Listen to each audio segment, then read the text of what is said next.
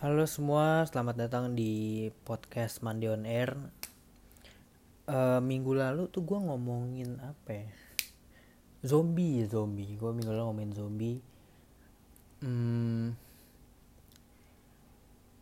ke depannya sih sekarang dan sampai ke depannya kayaknya gue masih bakal ngomongin itu terus deh karena tuh aspek-aspek dalam uh, bahasan itu tuh luas banget gitu dan kayaknya nggak akan pernah cukup untuk dibahas uh, apa ya satu episode podcast gitu. Jadi gue gue gue coba uh, bikin episode-episode singkat tapi uh, semoga uh, dapat gitu poinnya.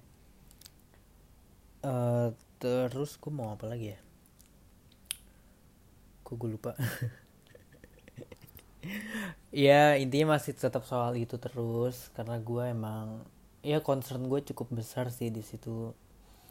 Mungkin gue udah ngomongin udah ngomongin ini berkali-kali sih tapi ya gue ulang lagi ya.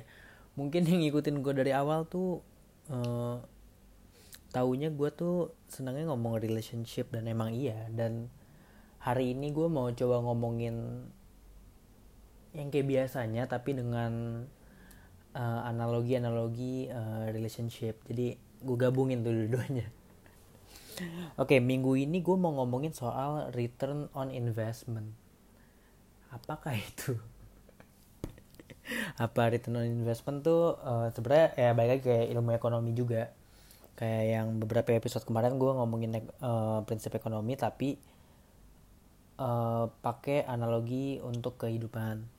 Nah ini juga return on investment Nah, investment sendiri itu apa? Uh, atau investasi? Uh, investasi itu kan adalah menanamkan modal atau dana dengan harapan bisa mendapatkan keuntungan di masa yang akan datang atau masa depan atau mungkin waktu tertentu yang kita mau. Tapi itu dalam segi ekonomi. Tapi dalam kehidupan tuh juga bisa dipakai prinsip ini. Cuma penerapannya ya mirip-mirip juga sih, cuma intinya ada bedanya karena ini kan bukan ekonomi gitu kalau untuk kehidupan. Nah kalau return on investment itu adalah artinya uh, sebuah keuntungan dari hasil investasi. Singkatnya gitu intinya. Nah ap apa sih mau gue bahas nih return on investment dalam kehidupan? Jadi ini gue coba pakai analogi uh, relationship ya. Jadi lebih lebih gampang loh untuk di ngertiin jadi gue tuh sama gue gue nih pacaran nih gue konteks lu ya konteks lu. Gue nih pacaran terus gue udah kayaknya sih udah empat tahun sama pacar gue. Nah orang tuh selalu uh, nanya gitu kayak gimana sih caranya bisa sampai eh, empat uh, tahun gitu atau mungkin lebih atau gimana gimana. Pokoknya tuh pertanyaan gimana caranya bisa selama itu? Ya gue jawab biasanya ya kalau orangnya cuma pengen tahu doang kan ada orang yang kayak basa-basi doang tapi emang ada orang yang nanya secara genuine aja gitu. Nah gue bisa bedain. Kalau basa-basi gue jawabnya pendek. Ya bisa gue gitu gue jawabnya. Tapi kalau pertanyaannya genuine gue pasti jawab dengan uh, panjang dan serius gitu. Nah gue asumsiin aja atau gue bikinnya itu dengan ceritanya gue dapat pertanyaan yang lebih genuine lah. Gimana sih caranya bisa sampai segitunya? Tapi pertama-tama gue nggak pernah ngerasa empat tahun itu adalah waktu yang lama. Gue nggak pernah ngerasa itu. Jadi kalau orang lain bilang lo lama banget gini bisa sampai segitu gue nggak pernah ngerasa. Karena karena gue tahu banyak banget seumuran gue atau lebih dikit tapi hubungannya udah jauh lebih lama gitu. Jadi empat tahun tuh buat gue nggak ada apa-apanya belum belum lama gue tahu ada yang pacaran sampai enam tahun tujuh tahun lima tahun.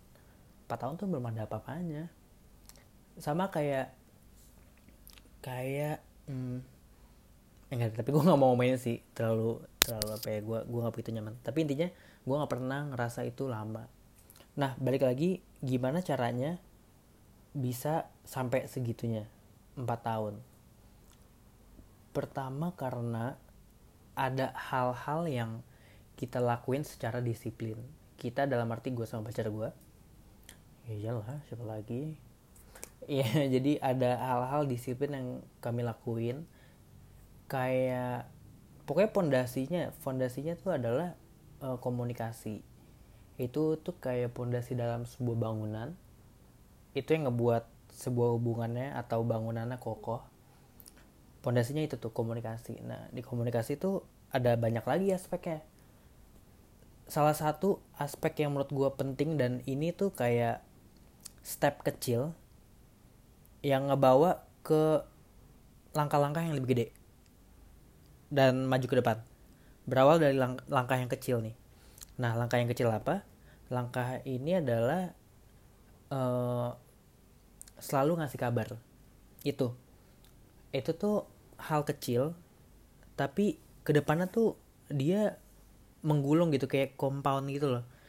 Uh, compound efek apa uh, hasil istilahnya apa ya menggulung dari sesuatu gitu dia jadi ada banyak keuntungan-keuntungan dari hal kecil yang kita lakuin.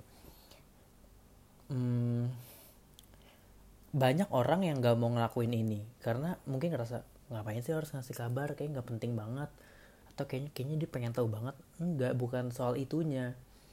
Pertama pertama gue juga nggak nggak tahu akan menghasilkan sesuatu yang membuat kita mudah di ke depannya. Gue nggak tahu. Karena gue gue juga mikir ngasih kabar emang apa pentingnya? Gitu. Tapi ternyata makin ke sini sampai tahun keempat ini justru hal kecil itu yang ngebebasin kita di di saat-saat kayak gini gitu. Dalam arti dalam komunikasi ya. Terus ngasih kabar itu kan tadi gue bilang itu kan kayak hal kecil tapi semua orang gak mau lakuin. Fakta karena beberapa orang yang gue kenal ada kok yang gak mau ngelakuin itu. Bahkan gue dulu sebelum sama yang sekarang gue juga nggak pernah uh, ngasih kabar gitu kalau gue mau ke mana ini ini dan lain-lain. Ya jadinya komunikasinya nggak nggak apa ya nggak kuat gitu. Kayak justru gue bingung dulu gue ngobrolin apa ya? Nah gue jadi tahu komunikasi itu penting terlebih aspek-aspek di dalamnya kayak ngasih kabar itu juga karena sama yang sekarang. Dulu gue ya kayak tadi gue bilang gue tuh nggak pernah ngasih kabar tapi dia ternyata orangnya gila kabar gitu jadi kayak apa apa harus kabarin lu gue juga emang penting ya emang harus tapi ternyata gue ke bawah gitu jadi sekarang gue yang gila kabar juga kayak gue nggak bisa gitu nggak ada kabar. Nah tadi kunci kan gue bilang di awal gue nggak bilang kuncinya sih tapi gue gue banyak lupa ada sumpah. Karena gue gak pakai skrip ya. Jadi sorry. Kalau nggak nyaman dengernya. Tapi tadi gue di awal bilang ada hal disiplin yang kami lakuin berdua sehingga ngebebasin kami di sekarang. Di tahun-tahun sekarang ini atau di hubungannya sekarang. Ya itu tadi ngasih kabar. Gue mau main disiplin bentar. Disiplin itu kan orang tuh gimana ya kalau soal disiplin pasti dengarnya kayak sesuatu yang mengekang gitu kayak kayak sekolah Senin sampai Jumat itu kan wajib disiplin kita harus disiplin. Kalau misalnya dari tiap pelajaran ada yang kita nggak masuk ya kita nggak nggak apa ya nggak nggak dapat ilmu secara full itu karena kita nggak disiplin. Kayak les les bola gue dulu pernah gue nggak disiplin banyak bolosnya. Ya jadinya gini main bolanya ya setengah-setengah. Atau ngaji dulu gue ngaji waktu kecil disiplin setelah gue pindah rumah uh, eh, SMP ke belakang nggak disiplin gitu jadinya gini gue nggak bisa baca. Gue bocorin lagi bego bego bego bego. Tapi nggak apa-apa. Tapi ya gitu intinya disiplin itu bukan mengekang tapi justru membebaskan. Gue kasih contoh lagi tadi ngasih kabar. Gue pikir di, di apa disiplin itu mengekang ngasih kabar itu mengekang banget kayak ada malesnya kayak gue pengen deh nyampe satu tempat tanpa harus ngasih tahu. Tapi gue disiplin kita berdua tuh disiplin ngelakuin itu. Nah return on investmentnya adalah uh, semakin lama kita ngelakuin itu disiplin tadi justru itu ngebebasin kita di sekarang-sekarang. Karena kita nggak perlu uh, ya ngabarin tetap perlu. Cuma itu tuh ngebawa ke berbagai aspek itu ada sesuatu hal yang biasanya awal-awal kita komunikasiin sekarang kita nggak perlu dia udah tahu. Dia udah tahu kayak misalnya gini uh, misalnya ketiduran. Awal-awal kan ketiduran kita harus jelasin kayak oh iya tadi aku ketiduran aku capek banget gini gini gini gini. Nah sekarang sekarang tuh udah nggak perlu. Dia misalnya gue nggak balas nih lama. Terus kayak kamu dari mana ketiduran atau apa? Biasanya ada kegiatan lain selain ketiduran yang biasanya bikin kita lama nggak balas mungkin nonton mungkin main PS kerjain apa kek. Intinya dia udah tahu oh kamu habis ini ya gini gini atau mungkin dia nggak usah ngomong kayak apalagi dia gini gini gini udah tahu.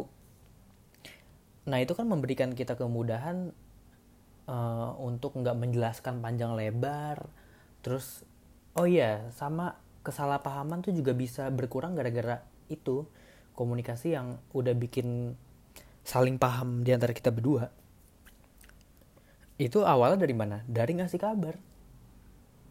Ngasih kabar awalnya. Sebuah aspek kecil dalam uh, apa ya untuk melangkah lebih jauh gitu. Padahal mulainya dari hal kecil ini. Tapi kan gak semua orang mau ngabarin pasangan ya kan? Karena dia nggak tahu return on investment dari ngasih kabar adalah memudahkan kita dalam komunikasi. Saling paham saling ngerti oh dia tuh gini gini dia kegiatannya ini.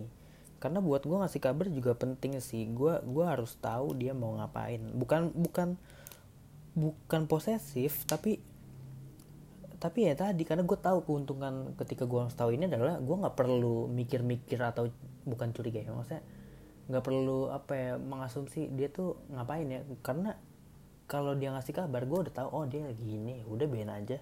Misalnya dia ngabarin eh kayak misalnya seminggu sebelumnya um, dia mau pergi gitu dia ngabarin minggu depan aku mau gini gini gini ya. Ya pas harinya ada oh ya udah gue udah tahu biarin ya udah nggak usah chat maksudnya nggak usah apa ya nggak usah cepet-cepet balas chat kamu nikmatin aja pergi sama temen kamu dulu gitu. Maksudnya itu yang memudahkan kita berdua sih awalnya dari aspek yang kecil itu. Jadi ketika intinya ketika kita ngelakuin sesuatu atau apa ya kan kita apa ya maksudnya tadi gue jadi lupa lagi kan tuh. Ngabarin ah lah lupa.